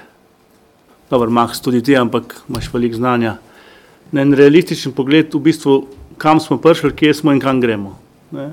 ker lahko bi se hitro takšne okrogle mize, mize uh, speljale v, po moje, tudi neke populistične uh, zgodbe, uh, sploh pa zdaj, ker je v zadnjem obdobju bilo popularno, kaj je vse zeleno. Ne.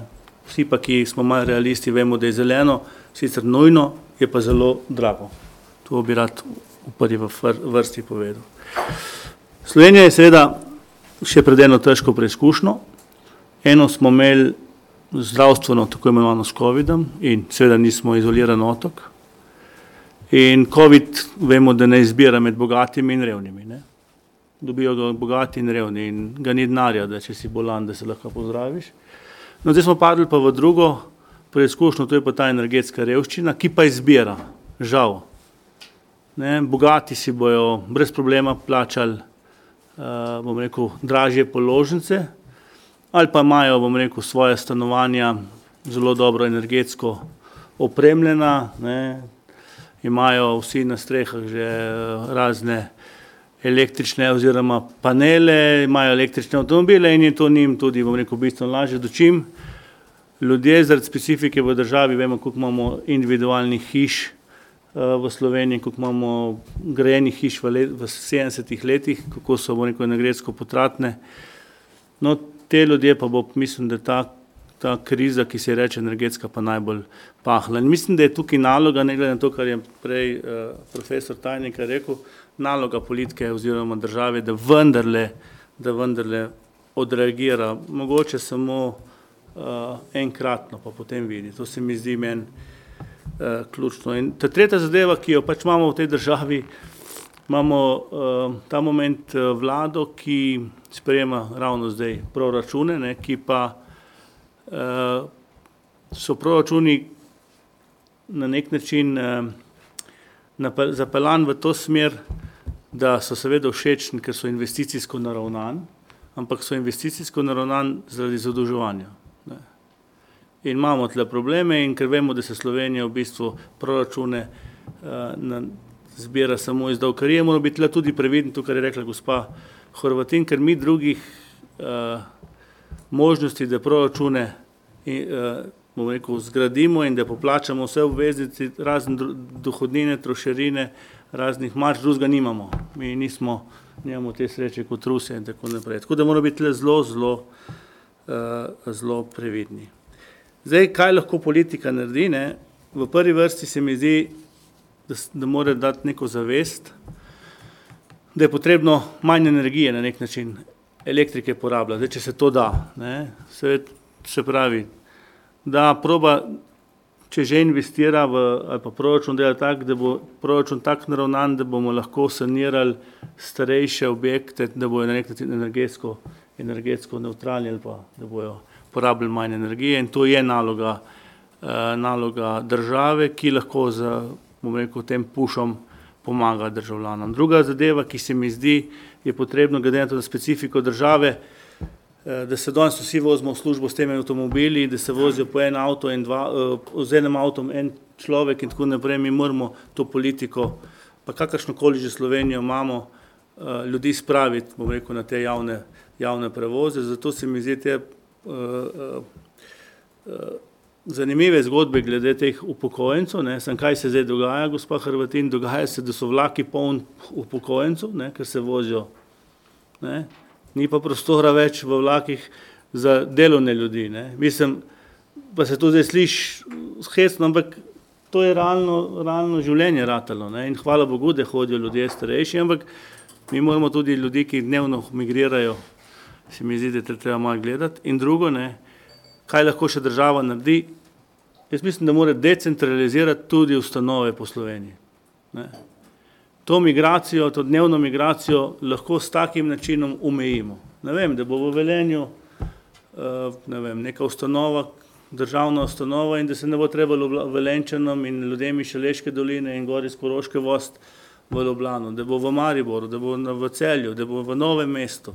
To lahko naredimo in glede na to, da smo se zdaj navadili na zume in tako naprej, je to lahko ena od priložnosti, ki jih imamo in to more politika, to lahko sem politika naredi, drug noben pač ne more narediti. Ne. In to se mi zdi naloga socialnih demokratov v nadaljevanju. Drugo, kar se mi zdi in tretje, ne, predvsem na naše dva, evropska poslanca, ne, mi, mar, mi moramo biti v Evropi mal, bom rekel, malo moramo tudi pomisel dati, kljub temu, da nas je samo dva milijona, ne. Če smo naredili za moje pojme napako z Naturo 2000 takrat leta nazaj, ne, ko so nekateri kar lepo obkrožili, kje je vse Natura 2000 in vemo danes, kako nas ta Natura 2000 pri investicijah, pri nekih normalnem življenju omejuje, ne, se moramo tudi pri tej energetiki in pri, tem, pri teh zgodbah uh, na nek način uh, malo bolj postaviti. Ne. In se mi zdi, da ta energetska revščina, ki je huda, mogoče bo tok razprave v Sloveniji spremenil v neko realno, v realno, uh, v realno smer. Ne. Jaz se spomnim, sem bil na eni seji državnega zbora, prišli so mlajši, super, samo ne hidroelektrarne, ne termoelektrarne, pa tu še razumem, kuponi se zražajo in tako naprej, ne jedrske elektrarne, ne veterne elektrarne, potem si pa odvisno od uvoza in potem vidite, kako je bor za, bor za svojo energijo in na koncu imajo te isti ljudje največje probleme. Tako da to je to. No in kaj smo potem mi, eh, občina Radeče je mehna občina, specifika naše občine je, da ima relativno zelo malo, glede na število prebivalstva, eh, eh, več stanovanjskih hiš, se pravi blokov in ima zelo, zelo veliko individualnih hiš. Eh, in veste, kaj se v Sloveniji dogaja, v teh individualnih hiš se žal, mladi ljudje grejo v Ljubljano, mladi ljudje grejo sveta trebuhom po, po svetu in ostajajo v, v teh individualnih hišah vdove, vdovci in je to rato en problem. In ta navezanost naš slovencu na, na svojo lastno nepremičnino je, bom rekel, zapisan v naše gene in tukaj potem pride v, pri, te, pri energetski revščini, pri teh naj, do največjih problemov. In zato smo se v Radečah takoj odločili, nismo čakali in računali in tako naprej kot v, v vladi, da, je treba nekaj na hitro narediti. In smo županom prišla na idejo, danes bomo imeli občinsko sejo eh, eh, občine Radeče, kjer želimo, ne glede na to, kaj bo država naredila, eh, z enkratno pomočjo pomagati ljudem, da ne bom točno, da ne bom kaj narobe rekel, kako je naslov. V glavnem, Z enkratno pomočjo bomo pomagali na socialnem, socialnem delu eh, prebivalkam in prebivalcem Radeč, da jim bomo glede na socialni, na socialni s, eh, eh, status eh, pomagali z enkratnim zneskom.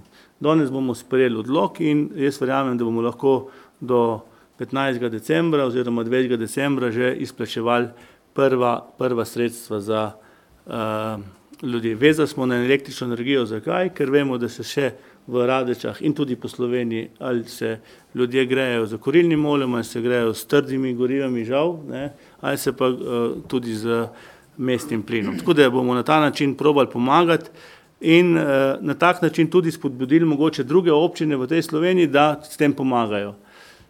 Kukorkoli moramo priznati, ta vlada je občinam dala prek poprečnine v zadnjem obdobju ogromno denarja, Vemo, da so naslednjo leto lokalne volitve in glede na to, da sem bil tudi župan, vemo, kaj pri Slovencih najbolj pali, se upravičujem, pločniki, asfalti, eh, kandelabri, eh, vodometi in tako naprej. Krožišče, in na krožišču mora biti obvezno spomenik, ne, ker brez tega pač krožišče, ne, krožišče ne deluje in se lahko ljudje zaletavajo, govorim mal, uh, uh, in jaz bi to tako prepovedal. Ne, uh, ne krožišča, govorim Eh, tako da smo iz tega vidika županom rekli, da tudi če bomo kakšen uh, meter asfalta manj naredili, bomo probali uh, odreagirati na, uh, na ta način. Isto pa uh, smo se v poslanski skupini socialnih demokratov tudi dogovorili, da bomo sklicali odbor za gospodarstvo in odbor in za infrastrukturo. In jaz si osebno zmeram želim ne populistično, ampak predvsem, da država proba na tak način razmišljati, kako lahko na nek način pomaga ljudem. In meni je bilo vaše, uh, doktor Horvatin, uh, razlaganje, ga podpišem z vsemi uh, uh, kulji, ki jih imam zdaj tle, ker mi moramo gledati tako na gospodarstvo, ne, ker mi ne smemo gospodarske uh, družbe zaradi tega ubitne, v narekovajih, kot seveda tudi na uh, uh, gospodinstva. In tukaj moramo delati z roko z roke, ker kaj se zdaj dogaja, sam še to pa pa končam. Uh, rečemo, energetske podjetja ponujajo zdaj ta moment uh, firmam, velikim, ki so veliki porabniki električne energije, da v bistvu ustavijo proizvodno in jim zato plačajo uh, sredstvo. V eni tovarni, ne vem, se ni treba, nam da reklame delu, so prišla uh, ne vem, elektro primorska je rekla, mi vam damo 6000 evrov na mesec, na dan, na dan, če ustavite za 14 dni oziroma za en mesec uh, uh, podjetje. Zakaj? Zato, ker imajo seveda, firme imajo pogodbo, ker je pač energija še pod tistimi pogoji kupljena bila, ne, In uh, to so realni problemi tam, ta moment uh, v, v Sloveniji, zato je treba tlem delati res z roko v roki in biti predvsem realističen.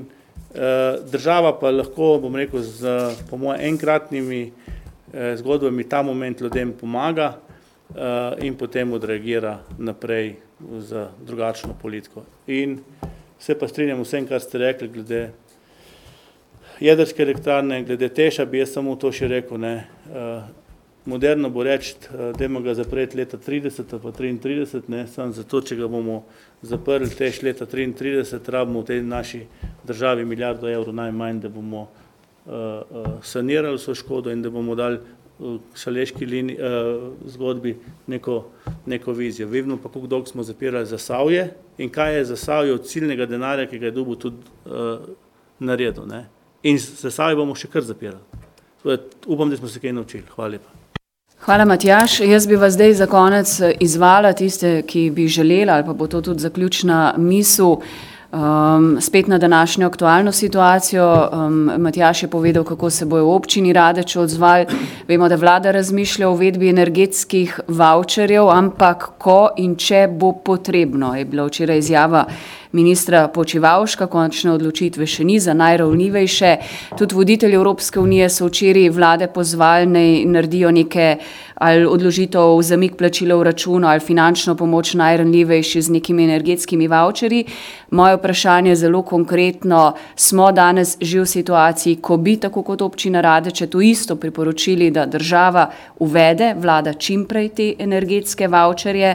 Um, vemo, da ponovno regulira cene kurilnega olja. V vodu sem povedala, da bojo začasno zamrznili na raven iz leta 2016, ampak vlada lahko pa tu naredi ukrepe tudi, ko gre za električno energijo, prepove recimo izvoz električne energije, zato da preprosto jo zadrži v Sloveniji ali pa regulira končno ceno. Zdaj, mogoče čisto na te kratkoročne konkretne ukrepe pred zimo, če bi se kdo želel odzvati, kaj bi bilo še nujno narediti mi kot poslanska skupina in kot stranka socialnih demokrati smo že pozvali, da, da ima vlada odgovornost, da prispeva, da se odziva tudi za pomoč najranljivejšim, to je zdaj tisto ključno.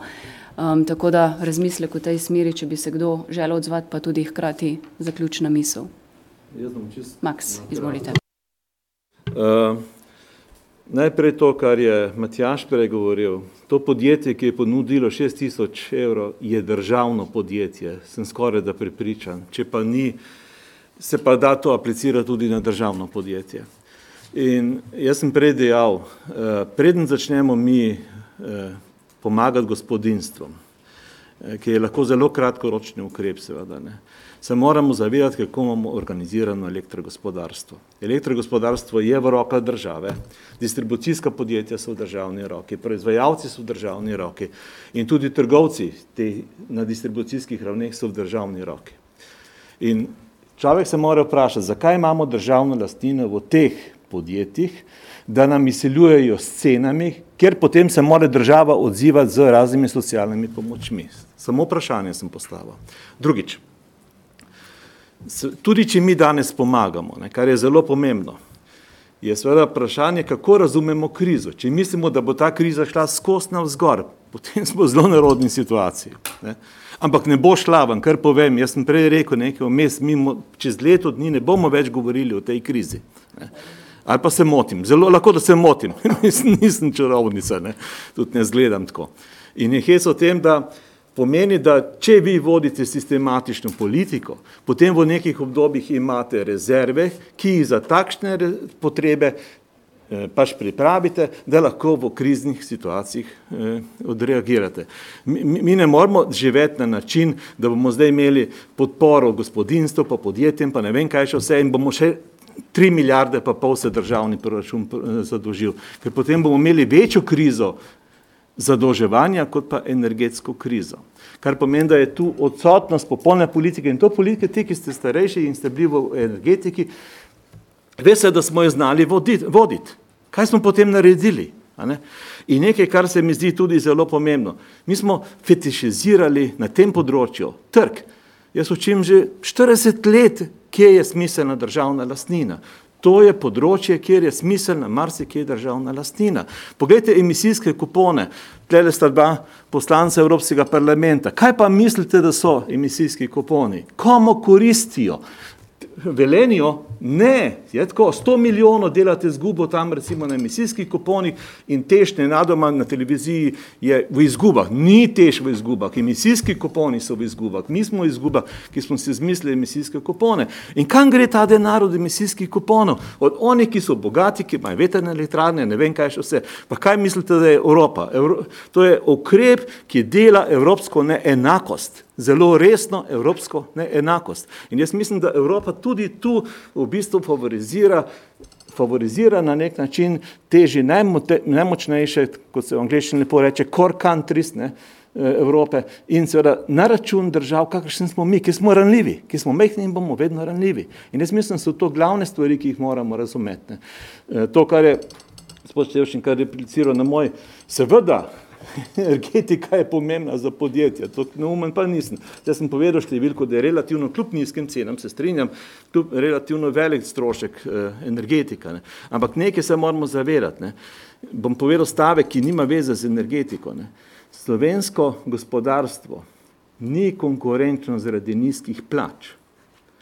Ampak slovensko gospodarstvo ima nizke plače, ker na trgu ni konkurenčno upam, da ste vsi premislili to, kar sem rekel.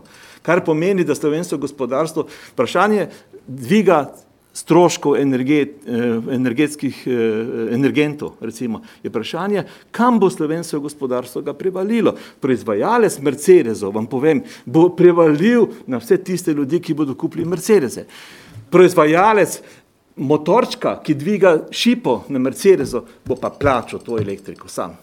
In jaz mislim, da je to zelo pomembno. Mi se časti pogovarjamo o faktorjih, ki niso ključni. Hvala lepa, dan kar besedo eh, doktorici Hrvatin, izvolite. Ja, hvala lepa. Torej, jaz moram reči, da se mogoče kdaj tudi eh, ekonomisti med sabo ne strinjamo, pa vsem ne. In uh, tako da, če dovolite, bi jaz mogoče še malo svoje mnenje delila glede tega. Uh, jaz mislim, da je pač nevarno, ne, da bi država samo na osnovi svoje državne lastnine posegala v podjetja in v trg, ki pač deluje po takih osnovah, kot deluje. Mi se moramo zavedati, da dobavitelji energije vendarle imajo določene pogodbe sklenjene, da so te pogodbe lahko sklenjene za leto naprej naprej. In tudi proizvajalci energije. Ne, ne trguje se samo na dnevnem trgu, ker takrat pa imamo dejansko zdaj visoke cene. Ne, tako da je največ moramo biti glede tega malo previdni, kako lahko država zdaj poseže v svoje odločitve pri teh podjetjih. Ne. Uh, mogoče še ena zadeva pri um, emisijskih kuponih. Strinjam se, da lahko načnemo vprašanje um, mehanizmov, ki jih je vzpostavila Evropska unija, da mogoče ne delujejo ti najbolj idealno, ampak zaveza Evropske unije je prehod na uh, zeleno ne, in to je en mehanizem, uh, cena oglika. Moram pa povedati, da tudi v svojem naboru ukrepov, sedaj eh, teh kratkoročnih, Evropska unija, ravno to eh, Evropska komisija in sedaj, če bo to sprijeto tudi strani sveta EU, energetski ministri eh, predlagajo, da se prihodki iz torej, teh emisijskih kuponov lahko začasno porabijo za pomoč ne, v tej energetski krizi, zlasti majhnim srednjim podjetjem in seveda ranljivim odjemalcem, ne, kot nek začasen ukrep seveda. Ne. In še na zadnje bi dodala, da se zelo strinjam s tem, na kar je opozoril tudi gospod Han, da moramo voditi diferencirano politiko. Da ne moramo kar zaščititi zdaj kar vse državljane, ker se vsi ne srečujejo v enakih razmerah. Da imamo mi zelo veliko upokojencev, ki so se že pred energetsko krizo srečevali z zelo resnimi težavami, da plačujejo svoje energetske račune. In na to populacijo moramo sedaj ciljati. Ne? In tudi, kot ste omenili pri transportu, ali je res treba, da zdaj za vse upokojence ne, uvedemo brezplačni prevoz, ne, um, pa čemer vemo, da bi nekateri ga pravzaprav ne potrebovali, ker si ga lahko, če imajo visoke pokojnine, najbrž sami plačajo. Ne. Tako da mislim, da je bila izrazito potrebna diferencirana, solidarnostna politika, pomoč tistim, ki jo res rabijo. Hvala. Hvala lepa. Um, Gregor, izvolite. Ja, hvala. Uh, mogoče samo en, en komentar na to. Najprej, kar se tiče cene električne energije oziroma nasplošno no, cene energentov, jaz se tudi strinjam s tem, da je v bistvu ta, uh, ta shift kapitalskih globalnih tokov v COVID-u uh, in pač potem seveda zdaj ta uh, velika, velika gospodarska rast globalna um, pač povzročila, se pravi, čist gre za čist klasično ponudbo in povpraševanje. Uh, in če sem mnenja, da se bo cena umirila, nikoli več na ceno 50 evrov na megavat, če me vprašate. Jaz nekje predvidevam po izračunih, da bo nekje v srednjem roku cena nekje na debelo 100, se bo stavila nekje pri 100 evrih na megavat na uro. Uh, kar pa je pokazalo, oziroma kaj pa, bo, kaj pa ta kriza kaže, je pa to, kar je mogoče malo že implicitno povedano od dr. Tajnikarja, je pa, in s tem se jaz strinjam, da se pravi te nevidne niti, ki dejansko krojijo trg, se pravi dejansko, recimo lep primer je bil, ko Angleži oziroma Anglija ni mogla dobiti plina, ker so pač tankari vozili plin pač v Azijo, ker so pač tam dali več. Uh, en zelo lep primer bi še mogoče osvetlil je Nemčija, uh, kjer je recimo nepričakovano, glede na pač um, izračune podobnih dni, kar se tiče vetra, ker ima pač ogromno količino inštaliranih vetrnih elektrarn, toliko pač na temo obnovljivih virov, ki jih pač Evropa promovira, uh, pač veter nehal pihati in so seveda kurili na polno plinsko elektrarne. S tem so dejansko povečali ceno plina v bodoče na evropskem nivoju bo definitivno resno treba razmišljati in to direktno v Bruslu oblikovanje novih tarif. In pač, če se bodo takšne stvari dogajale, ker bo pač vedno več obnovljivih virov, hr, eh, problem hranjenja, sistemskega hranjenja električne energije ni in ne bo rešen, po mojo oceni vsaj do 2035, se bo takšni dogodki pač ponavljali naprej. Skratka, to, kar hočem povedati, je to, da kriza kriza, kriza osvetljuje, bi, bi rekel, neke resne probleme evropske politike, se pravi prehoda v zeleno. In to pa je moja čisto subjektivna ocena. Jaz mislim, da so si zadali, pa posledično smo si zadali zelo, zelo trd oreh in če ne bomo tega prehoda, pač kot Evropa in Slovenija, pametno pač izpeljali, se nam bodo takšne in drugačne situacije definitivno ponavljale. Hvala lepa. Um, gospod Sevčnik, kar prosim. To, kar smo se zdaj pogovarjali okrog teh kuponov CO2, v bistvu bi kot država morali na ta strošek, ki ga tež, v največji meri tež plačuje v, v ta podnebni sklad, gledati kot za državo neutralni strošek, kajti večino denarja iz tega podnebnega sklada ostane v državi. Preko 70-75% ostane v državi. In iz tega podnebnega sklada se financira danes tako kot je gospa Nevenka rekla, lahko tudi to, kar pomoč, ponavadi se pa je financiralo do zdaj marsikaj drugega in ne tisto, kar je bilo namenjeno.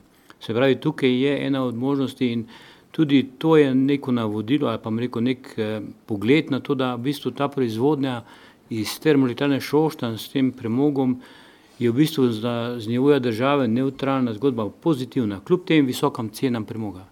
In recept za poceni električno energijo je, da tež Zato, ker ima najsodobnejšo tehnologijo, obratuje kar nekaj časa še. Hvala lepa.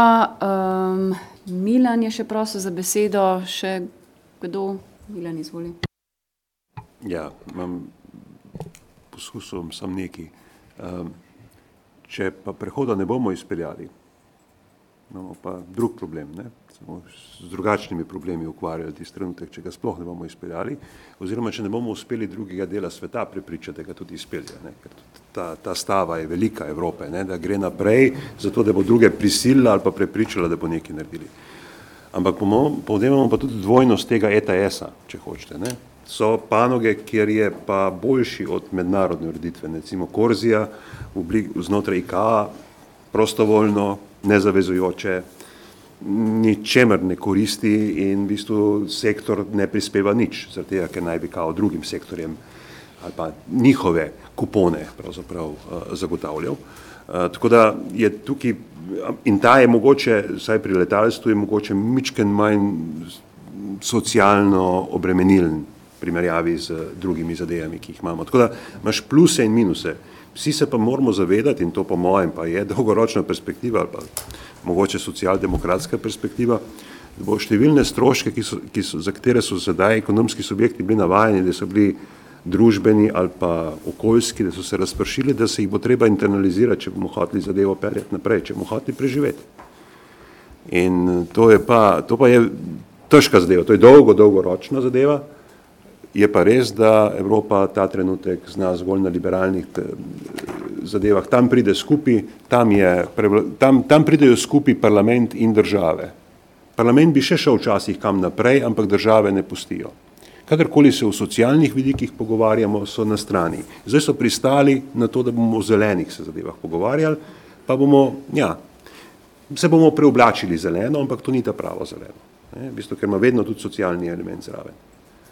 Tudi pristali bodo na digitalno, ni problema tam neke dodatne cilje postavljati, kazalnike narediti, ko je treba narediti par kazalnikov, po katerem bi primerjali drug drugega na socialnem področju, nič. Trenutku se vse ustavi in naenkrat je to distorzija trga, pa ne bom rekel, trg je že zdaj v marsičem dogovorjen, pa vprašanje razmerja moči. Torej, kaj imamo, za, kako razumemo ekonomijo, je tudi v marsičem pogojeno ravno s tem, ne, ne, ne na čem drugem. In če bomo pač dodali še eno stvar, zaradi tega, ker pač moramo preživeti, pač Bog pomagaj. Hvala lepa, Milan. Župan Velenja, Peter, izvoli. Ja, um, sem vesel, no, da ste toliko krat tudi uh, omenili to energetsko, uh, energetski podjetji, ki sta v naši dolini. Um, zdaj, veliko krat smo v preteklosti že opozarjali, pa danes še enkrat več uh, sem v to prepričan in upam to tudi javno povedati. Če danes ne bi imeli termoelektrarne Šoštan, bi bila energetska kriza seveda še veliko, veliko večja in to zavedanje mislim, da moramo uh, širiti, čeprav uh, se je v preteklosti o tem seveda zelo nerado govorilo. Um, in danes, ko govorimo o teh CO2 kuponih, ne, se jaz sem že večkrat povedal, idealen sistemski vir financiranja uh, postopkov pravičnega prehoda znotraj uh, premogovnih regij je pravzaprav uh, lahko ta vir, ki se nahaja in ki bo v prihodnjih letih, desetih letih, eh, sigurno bogat za približno milijardo evrov sredstva. Danes ne vemo, kje bi našli finančna sredstva za to, da bi uspešno prestrukturirali eh, to regijo, eh, pa je to ena izmed eh, seveda rešitev.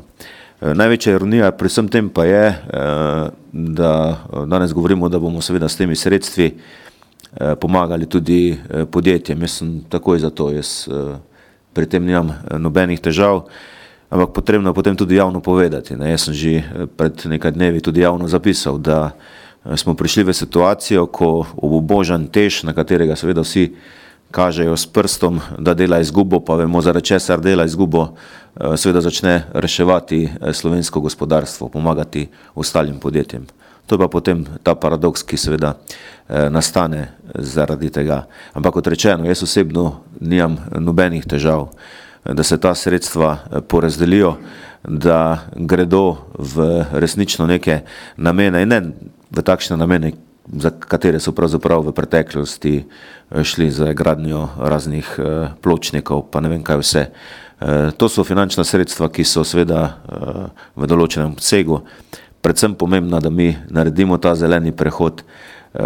Zelenega prehoda pa ne bomo uspešno zaključili, dokler ne bomo imeli nadomestnih energetskih virov.